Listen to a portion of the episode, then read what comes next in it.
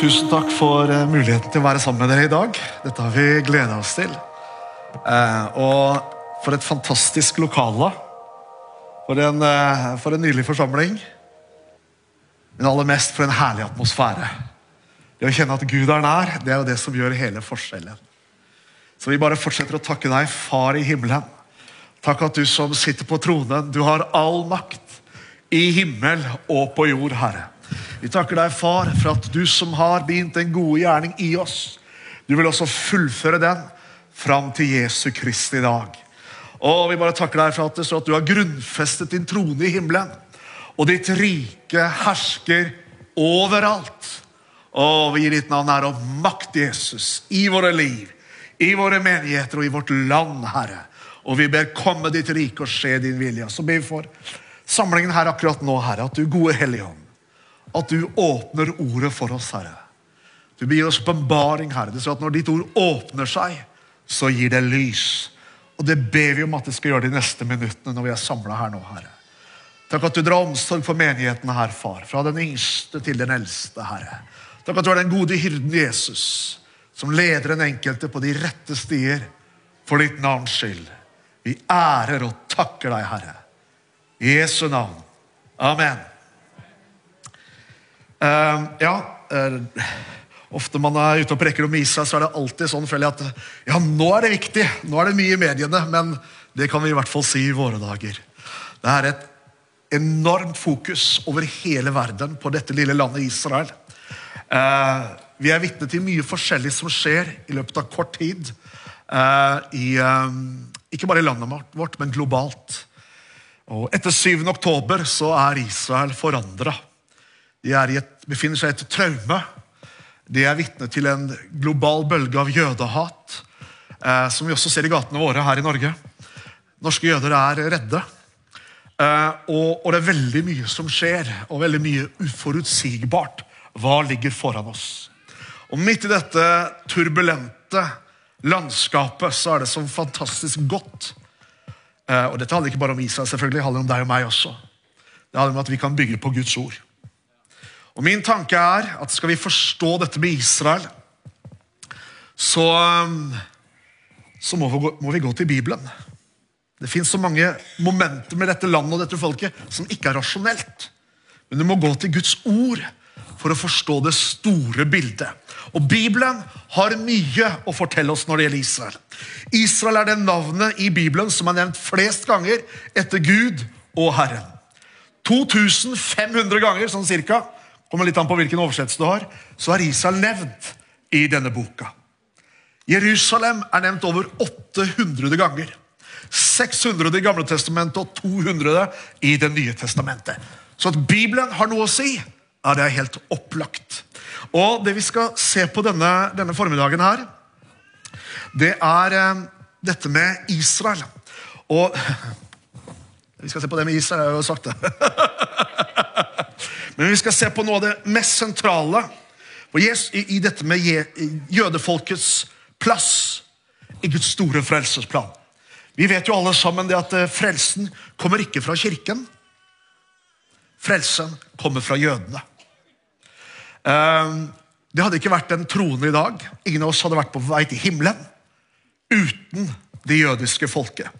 Det er derfor Jesus sier frelsen kommer fra jødene. Og som jeg bruker å si, Han kunne sagt at frelsen kommer fra jødene, og så kunne han snakket om seg sjøl. Det er jo han som er frelseren. Men faktisk så sier Jesus sjøl at frelsen kommer fra jødene. Fra dette folket. Og hva handler det om? Det handler om at Gud har utvalgt dette folket, reist dem opp til en velsignelse for menneskeheten. Den onde, djevelen, han forsøker å snu på det. Så gjennom alle generasjoner så har man løyet om jødene og fremstilt dem som folk som ødelegger samfunnet, som ulovlig okkuperer, som ødelegger freden i Midtøsten, som sprer smitte og død. Det hørte vi om i middelalderen. Under middelalderen så trodde man at jødene kidnappa spedbarna til de kristne og brukte blodet til disse babyene i sine religiøse ritualer. Det har alltid vært løgn som driver fram jødehatet. Løgn har vært det fremste våpenet i jødehatets historie. I alle generasjoner. Du kan til og med lese om det når jødefolket er på vei ut av Egypt gjennom Rødehavet, og de er på vei til løfteslandet. Og Da er det slik at du leser om disse kongene som bor omkring. Nei, kommer de inn i landet vårt, da vil de ødelegge landet vårt. Da blir vi utarma, osv. Men det Gud har sagt om dette folket, og til Abraham jeg skal velsigne alle jordens slekter gjennom deg. Det er Guds plan, det er Guds agenda, og det er Guds hensikt. Og Nå går vi inn i kjernen. Det jeg skal dele med deg nå, det er hva ligger i at frelsen kommer fra jødene. Og Som et utgangspunkt for denne talen her, så kan vi tenke på også det sånn historisk at gjennom to årtusener så har Kirken anklaget det jødiske folket, forfulgt det jødiske folket, basert på at dere korsfestet Jesus. Det har vært hovedanklagen mot jødene. Mens apostlene Peter og Paulus hadde en helt annen forståelse av denne hendelsen, og den skal vi gå inn i, i nå.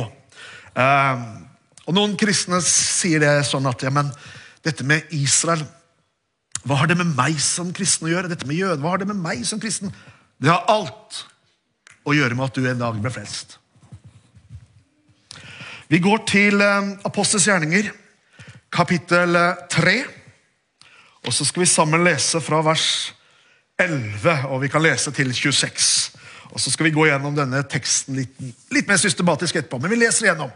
Her i Rom, nei, unnskyld, Apostelens gjerninger 3 så er Peter og Johannes på vei opp til tempelet for å be.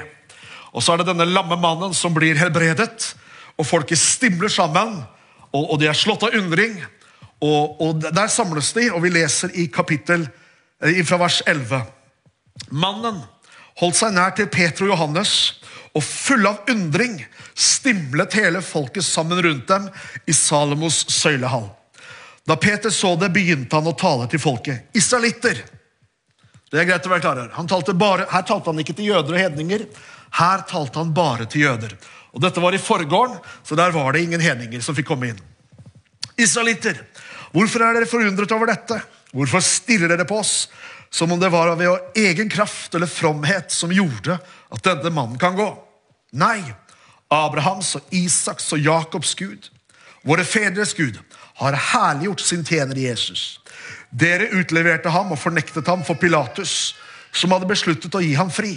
Dere fornektet den hellige og rettferdige og ba om å få løslatt en morder. Men livets opphavsmann drepte dere. Han som Gud reiste opp fra de døde, det er vi vitner om. Ved troen på Jesu navn har dette skjedd, for det navnet har gitt styrke til denne mannen, som dere både ser og kjenner. Den tro vi får gjennom dette navnet, har gitt mannen full følelighet igjen, slik dere alle kan se. Jeg vet nok, brødre, at dere handlet i uvitenhet, akkurat som rådsherrene deres.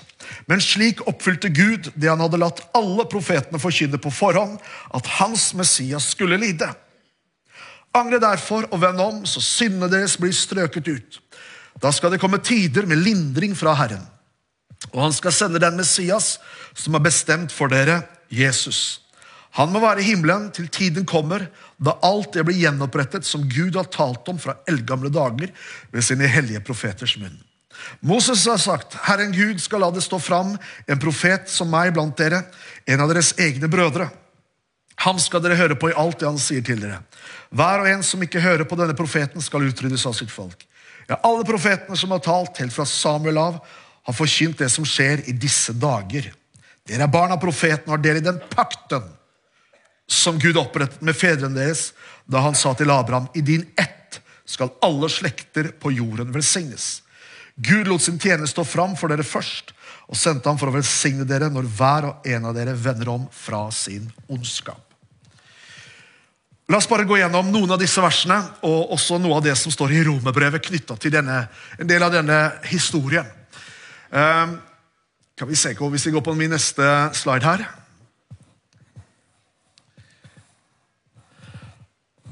Abrahams, Isaks og Jakobs Gud. Sånn. Okay. Ja. Abraham, Isaks og Jakobs Gud står det i vers 13. Våre fedres Gud har herliggjort sin tjener Jesus. Og så står det Han som dere overga og fornektet overfor Pilatus, som var fast bestemt på at han ville løslate ham. Men dere fornektet den hellige og rettferdige og ba om at en morder måtte bli frigitt for dere. Og vers 15. Og livets fyrste drepte dere, han som Gud eh, oppreiste fra de døde, og som vi er vitne om. Det Peter er klinkende klar på her, når han taler til den jødiske forsamlingen, det er at dere korsfestet Jesus. Det er en del av oss Israelsvenner som gjerne sier nei, det var ikke jødene. Det var Pilatus, det var romerne som gjorde det. Det sier ikke apostlene. Peter er helt klar. Dere korsfestet Jesus. Er vi enige? Er det noen imot? Nei, men Det er en viktig sak, og i dag så reises denne debatten her. Men vi må bringe den i lys av Bibelens åpenbaring, og ikke historiske uh, erstatningsteologi. Um, og så står det videre I vers 15 så leser vi her, tar vi opp igjen, og livets fyrste drepte dere, han som Gud eh, oppreiste fra de døde, og som vi er vitner om.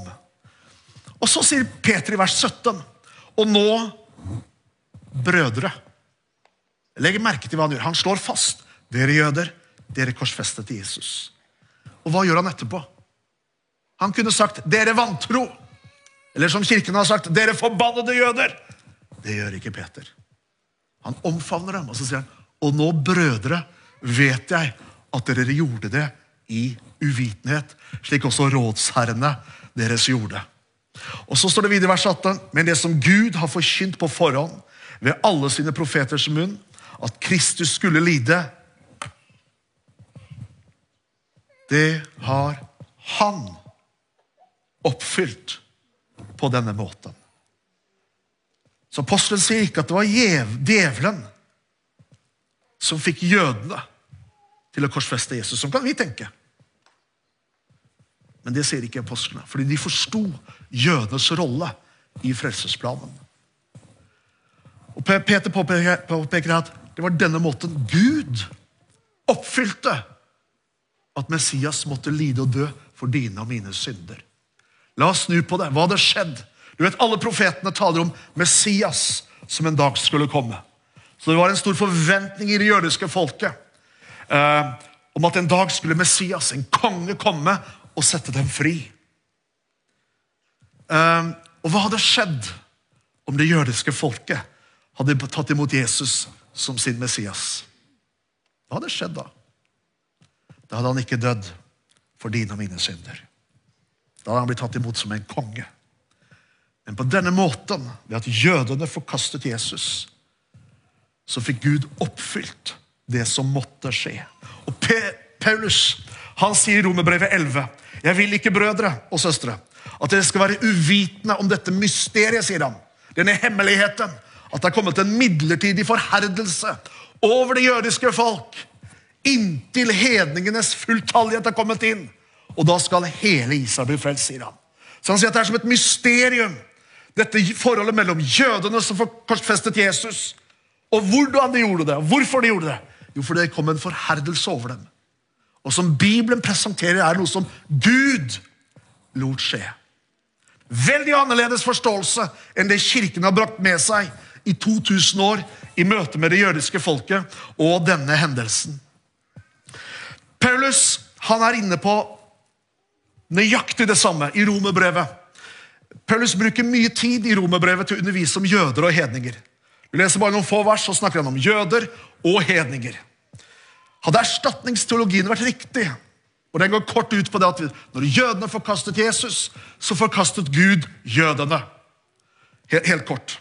Og så har vi blitt det nye Guds folk, og det er sant. Vi er Guds folk. Vi som tror, har fått del i Abrahams løfter. Så vi er Guds folk. Det er helt riktig. Men denne læren om at Gud er ferdig med jødene, sånn som kirken har lært i to årtusener, tror vi ikke stemmer med boka. Eh, og eh, dersom jødene hadde tatt imot han som Messias, som jeg sier, da hadde ikke forsoningen funnet sted. Men Paulus, som underviser i romerbrev om jøder og hedninger, og særlig romerne 9, 10 og særlig 11 han er klinkende klar på dette perspektivet. Fem ganger i Romerbrevet 11 så peker han på denne sannheten at jødene falt for at vi skulle bli frelst. Så det er opplagt at det vi deler her i dag, det var viktig for Paulus å legge på menigheten i Rom. Og Vi leser i, i Romerbrevet så står det sånn vi, vi, bare skuffer litt gjennom bibelversene her. I vers 11 så står det sånn, du kan lese på veggen her. Jeg sier altså, har de jødene snublet for at de skulle falle? På ingen måte. Men ved deres overtredelse er frelsen kommet til hedningefolkene. Det er som et mysterium. Hvorfor måtte de falle? Fordi at vi skulle bli reist opp. Vers 12. Hvis nå deres fall er blitt til rikdom for verden. Vers 15. For om deres forkastelse er til forlikelse eller forsoning for verden. Vers 28. Ifølge evangeliet er de fiender for for deres skyld, altså for vår skyld. De ble fiender av evangeliet for vår skyld. Men, jeg, men, ifølge utvelgelsen er de elsket for fedrenes skyld. For Guds nådegaver og kall kan ikke tas tilbake. Og vers 30. For på samme måte som dere en gang var ulydige mot Gud, men nå likevel har fått miskunn ved deres ulydighet. Og Det er litt vanskelig å forstå, det, for det er ikke helt rasjonelt. Ved at de var ulydige, så fikk vi nåde.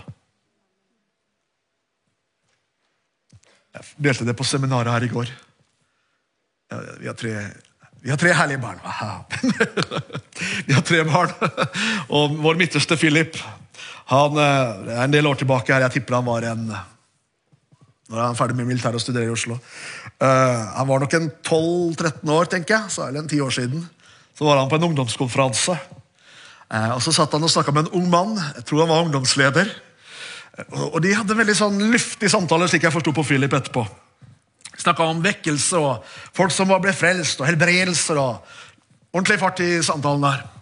Og Så spør Philip men hva tenker du om jødene? Og så sier denne unge mannen jeg vet, ja, Han var nok i 20-åra, den unge mannen. Og så sier han ja, nå er det ikke det vi skal være opptatt av. Nå er det å bygge kirke og se at verden blir frelst. Du vet, Philip hadde hørt på faren sin. så han sa ja, men du vet vel det, sa han, at uten jødene så hadde ikke profetene kommet. Ikke disiplene heller. Bibelen hadde ikke blitt skrevet.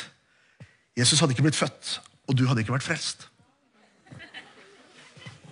Og så, og så sier den unge mannen ja, nei, men da hadde Gud gjort det på en annen måte. Og Så svarer Philip kontant ja, men nå gjorde han ikke det. And that's the case. That's the case. Gud utvalgte dette folket til frelse for menneskeheten.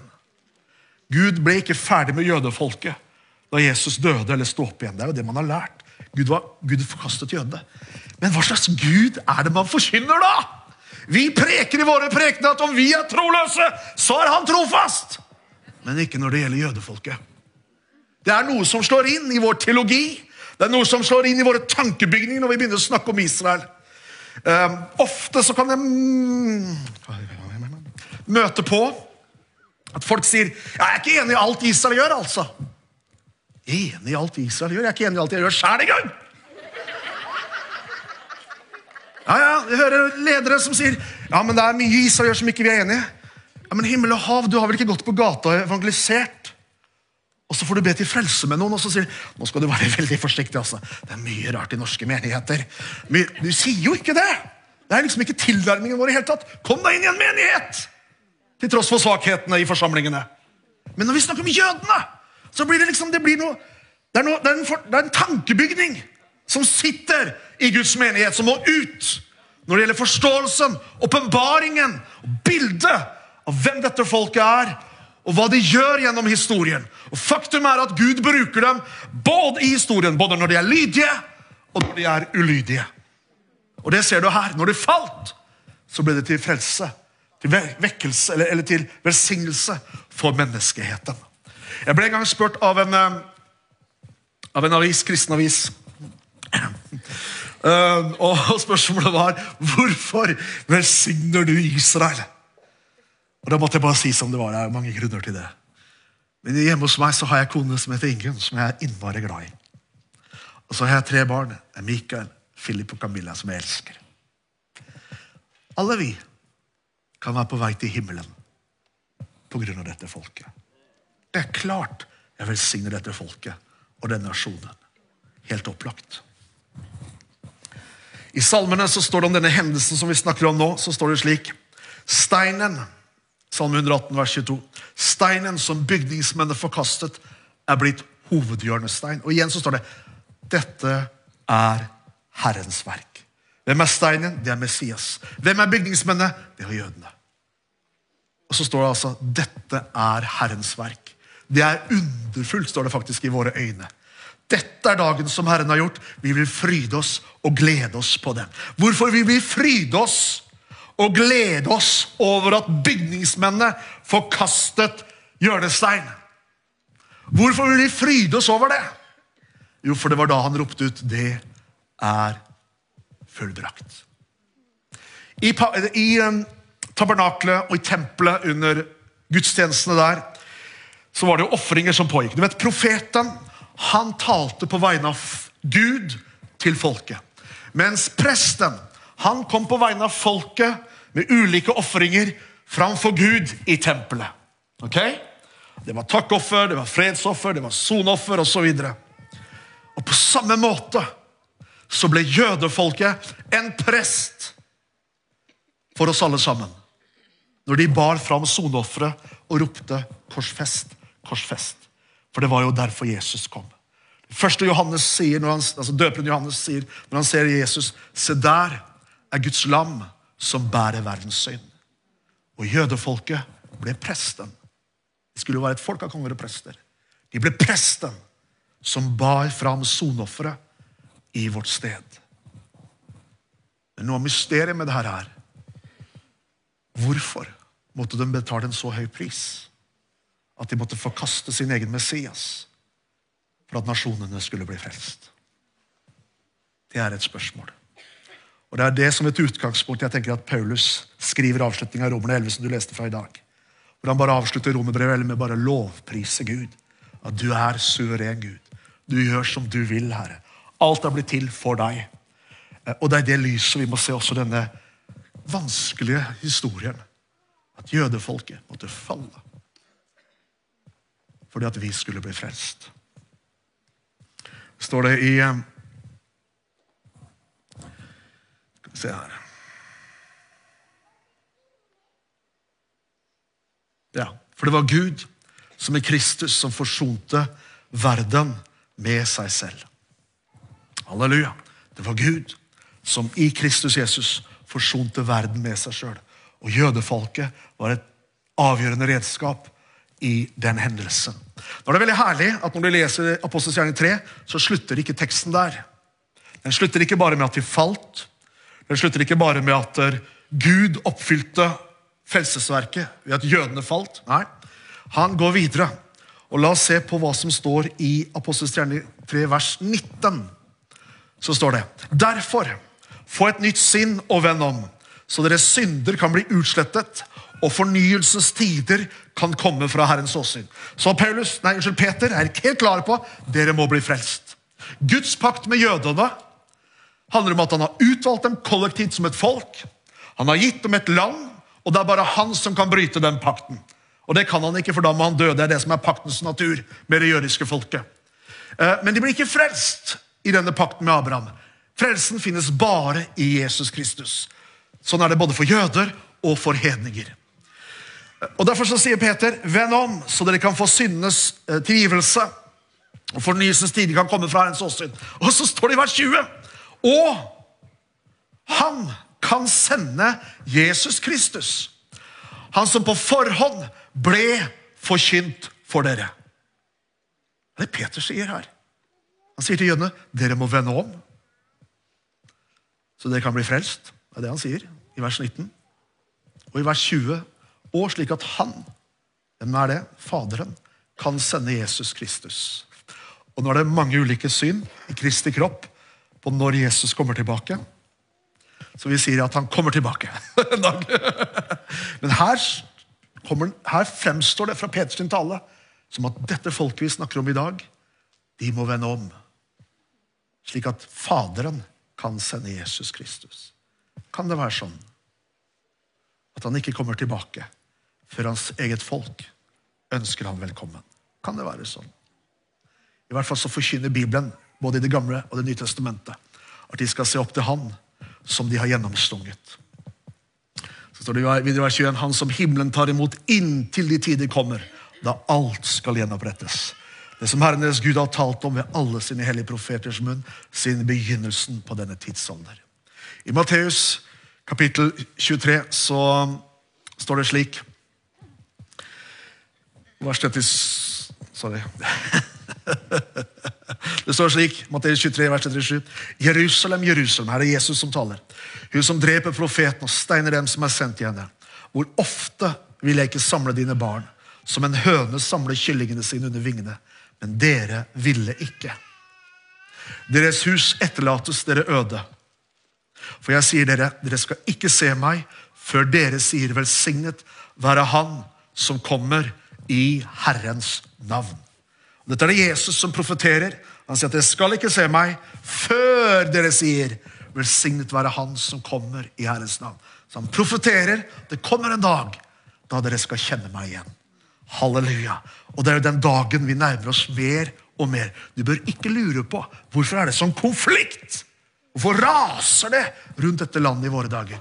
Det har alt å gjøre med Guds store plan. Og Den planen ble ikke ferdig for 2000 år siden. Da, vant, da ble seieren vunnet en gang for alle. Men den planen den fortsatt, fortsetter i våre dager. Og Vi er midt i oppløpet på å bringe evangeliet ut til de som ikke har hørt evangeliet. Det pågår i dag en global vekkelse blant muslimer som vi aldri tidligere har sett i islams 1400 år lange historie. Det, på mange arenaer så har Guds rike framgang. Midt i den uh, konflikten og, og, og, alt som vil skje, skje se uh, omkring oss i, i, i det globale samfunnet, egentlig. Paulus i Romerbrevet 11 han er tydelig som jeg sa, på at jødene falt for at vi skulle bli frelst. Men han er også tydelig på at det kommer til å skje noe med dette folket i tiden som ligger foran oss. Igjen i Romerne 11, vers 12, så står det i vers 12.: Hvis når deres fall er blitt til rikdom for verden, og deres fåtall til en rikdom for hedningefolkene, så står det hvor mye mer da deres fylde? Og Det er et ord som er vanskelig å forstå rasjonelt. Du må bare tro det med hjertet. Hvis nå jødenes fall ble til frelse for menneskeheten, rikdom for verden, så sier han hvor mye mer, sier han, da deres fylde. Det er ikke helt enkelt å forstå, men det er helt opplagt at Gud har noe for menneskeheten når dette folket tar imot Jesus som Messias. Vers 15. For om det jødenes forkastelse er til forlikelse for verden, hva vil da deres antakelse være om ikke liv av døde? Vers 25. For jeg vil ikke, brødre, at dere skal være uvitende om denne hemmeligheten, så dere ikke skal være kloke i egne øyne, nemlig at forherdelse har rammet en del av Israel inntil fylden av hedningefolkene er kommet inn. Og Så står det i vers 26.: Og slik skal hele Israel bli frelst. Som det står skrevet, utfrieren skal komme fra Sion, og han skal vende gudelighet bort fra Jakob. Det Paulus profeterer om her, det er at det kommer en dag da hele denne nasjonen som vi snakker om, skal bli frelst. Da vil Gud godtgjøre dem etter årtusener uten sin Messias. Årtusener med forfølgelse. Årtusener med fiendskap som de har båret på gjennom hele historien. Og Hvis du ser omkring deg i dag, verden er full av det. Man raser mot dette folket. Hvem skulle tro 7. oktober at nå kommer det en bølge av jødehat over hele verden? Det var nøyaktig det som skjedde, og det som pågår i våre dager.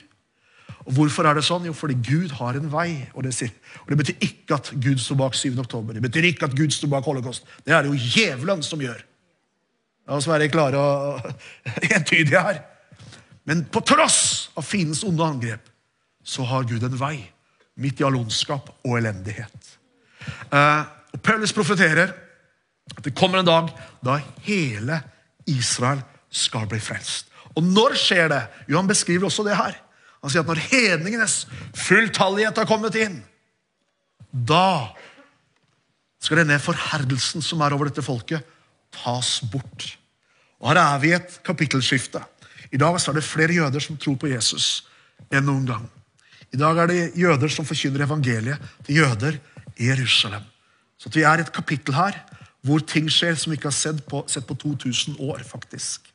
Så Det er så fantastisk privilegium at vi får leve i dag og får lov til å være hans medarbeidere. Ser du på nyhetene, så kan du jo bli deprimert, men jeg anbefaler deg løft blikket og se på han. Og bare lyst til å si litt også om denne innhøstningen som er i den muslimske verden. Uh, I løpet av 1400 år av islams historie så har det aldri vært en stor bevegelse av muslimer som blir frelst. Muslimer har blitt frelst. Noen har hatt drømmer, noen syner osv. Men det har aldri, aldri vært en bevegelse. Men de siste 10-20 årene så er det en økende bevegelse. Og det er bare fantastisk. Han som er høstens herre, han går fram. Halleluja. Hørte et, hørte et herlig vitnesbyrd fra jeg tror det var Syria. Hvor uh, Har vi en pianist her? Så kan vi jo gjerne få pianisten opp hvis den er her. Uh, det var en evangelist, arabisk evangelist som sto og prekte om Jesu blod. Jeg er ikke sikker på om han var inni en kirke eller utenfor. Og så, uh, så står han og preker om Jesu blod. Og Bak der så kommer det to sjeiker med sine sverd. Og, og, når de kommer, så tenker jeg at nå er, det det siste, nå er dette det siste jeg gjør. tenker han. Men det er jo en bra avslutning. Preke om Jesu blod.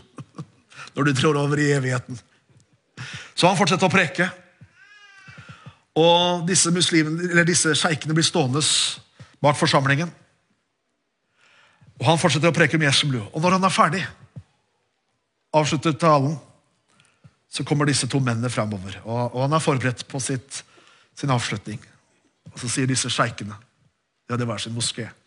Så sier de Er dette Jesu blod for oss også? Og Så ble de frelst, begge to. Begge moskeene deres ble gjort om til kirker. Wow. Det er Gud som går fram i Midtøsten.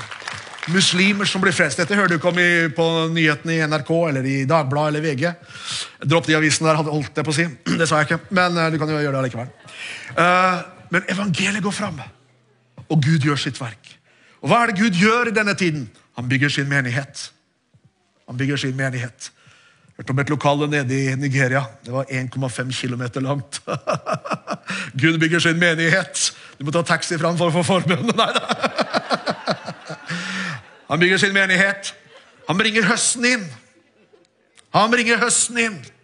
Og vi har ikke fullført løpet før alle stammer og tungemål har hørt evangeliet. Amen. Det er den store misjonsbefalingen. De som ikke har hørt, må få høre evangeliet. Og Det tredje han gjør, han bringer jødene hjem. Og Alle disse tre tingene henger sammen. Han bygger sin menighet, han bringer høsten inn, og han bringer jødefolket hjem. Hjem til hva da? Hjem til seg. Hjem til landet, hvor han vil møte dem og åpenbare seg for dem. Som profeten er veldig tydelig og klare på. Så dette er dette spennet som vi lever i i våre dager. Og da er spørsmålet hvor er vi som kirke midt i dette landskapet? Hvor er vi som kristne i møte med dette folket? Når nasjonene raser, sånn som vi ser i dag mot Israel, og det er en bølge av jødehat, hva gjør vi? Hva gjør du og jeg som kristne da? Er vi bare tause tilskuere, eller er vi med å gjøre en forskjell? Jeg hadde en personlig opplevelse som jeg deler ofte. Eh, jeg har vært mange ganger i Israel, der, gjerne tre ganger i løpet av året. Eh, og Yad Vashem det er Holocaust-museet i Jerusalem. Og Den gangen jeg var der, som jeg tenker tilbake på nå, da var jeg litt over 20 år, tror jeg. Og Da hadde jeg ikke med noen gruppe som jeg pleier å ha. Jeg gikk der aleine. Og den, den, dagen så var det mange gutter og jenter på min alder. De var soldater, de var kledd i uniformer. Og de gråt, og de gråt, og de gråt. De satt sammen i klynger, de sto alene, og de var oppløst i tårer når de så hva som skjedde med besteforeldrene deres i Europa. Og når jeg gikk ut derfra, så sa jeg til Gud jeg var, så, jeg var så frustrert. Jeg var ikke sint, jeg var ikke deprimert, jeg var frustrert. Jeg sa til Gud Gud, jeg levde ikke da. Jeg levde ikke da så jeg kunne hjelpe jødene. Og så kom denne klinkende klare stemmen som jeg husker den i dag. Nei da, Gøyvind. Du levde ikke da. Men det er den samme ånd som reiser seg opp mot mitt folk i disse dager. I dag lever du, og i dag kan du være med og gjøre en forskjell. Og Det tror jeg gjelder oss alle sammen. Som kirke så har vi svikta dette folket i 2000 år. Det er derfor vi i Den internasjonale kristne ambassade i Jerusalem gjør hva vi kan for å bringe kjærlighet og omsorg. Og Det er altså ikke sånn at Gud elsker jødene mer og ikke araberne så mye. Han elsker alle mennesker like høyt. Han elsker alle mennesker like høyt. For så høyt har Gud elsket verden at han ga sin sønn den eneste.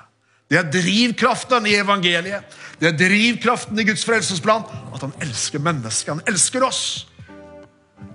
Og jødene er ikke noe mer favorisert. Tvert imot, de bærer en byrde tyngre enn noen andre nasjoner har gjort gjennom historien. Og det er ikke sånn Noen gjør det jødiske til noe eksklusivt noe. Og litt ekskluderende. Men Guds plan med det jødiske folket er inkluderende. I deg skal alle slekter på jorden bli velsignet. Så i Bibelen og i arbeidet vi står i, så har det ikke noe å gjøre jødene til noe eksklusivt noe. Men det er å forstå at dette folket er Guds redskap i, i hans store frelsesplan. Og det er ikke et enten-eller mellom kirke og det jødiske folket. Det er et både-og. Det er et sånt Ole Bro ja takk, begge deler. For det er sånn Gud har gjort det gjennom historien. Det er ulike oppgaver, ulike oppdrag. Viggo Skagestad sa det så fint. Jødene og kirken det er som mann og kone. Hører sammen, men man er allikevel forskjellig. Ok? Så i, Siden 1980, når vi ble oppretta, har vi gjort hva vi kunne for å hjelpe praktisk. Ut fra mandatet som står i Jesaja 40, vers 1. Trøst, ja, trøst mitt folk. Tal vennlig til Jerusalem. Vi har vært med å hjelpe over 170 000 jøder hjem til landet. Hvert år så er det 10 000-11 000 israelere, fattige israelere som får hjelp. Både jøder og arabere. Kristne og muslimer. Er og driver et hjem for holocaust-overlevende, eller finansierer. Så på ulike måter så forsøker vi å nå dette folket i takknemlighet. Paulus sier i Romerne 15, 27, at fordi vi har fått del i jødenes åndelige goder Det har vi snakket om i dag. Frelsen kom fra jødene. Fordi vi har fått del i jødenes åndelige goder, så står det at han sier han vi plikter å tjene dem med det materielle. Vi plikter å tjene dem med det materielle, sier. Fordi vi står i gjeld til dem. Så Gud kaller oss som menighet. Gud kaller oss som kirke i denne tiden. Til å være en velsignelse. Til å være en forbeder. Til å være en som ikke er taus, men som står opp på vegne av dette folket. Dessverre har vi svikta i 2000 år, men i dag kan vi være med å gjøre en forskjell. I dag er du og jeg med og endrer historien til kirken for å være et sted som skyver det jødiske folk. Isteden kan vi gjøre som Paulus og si at brødre, kan vi si. Og så kan vi stå sammen med dem i denne tiden.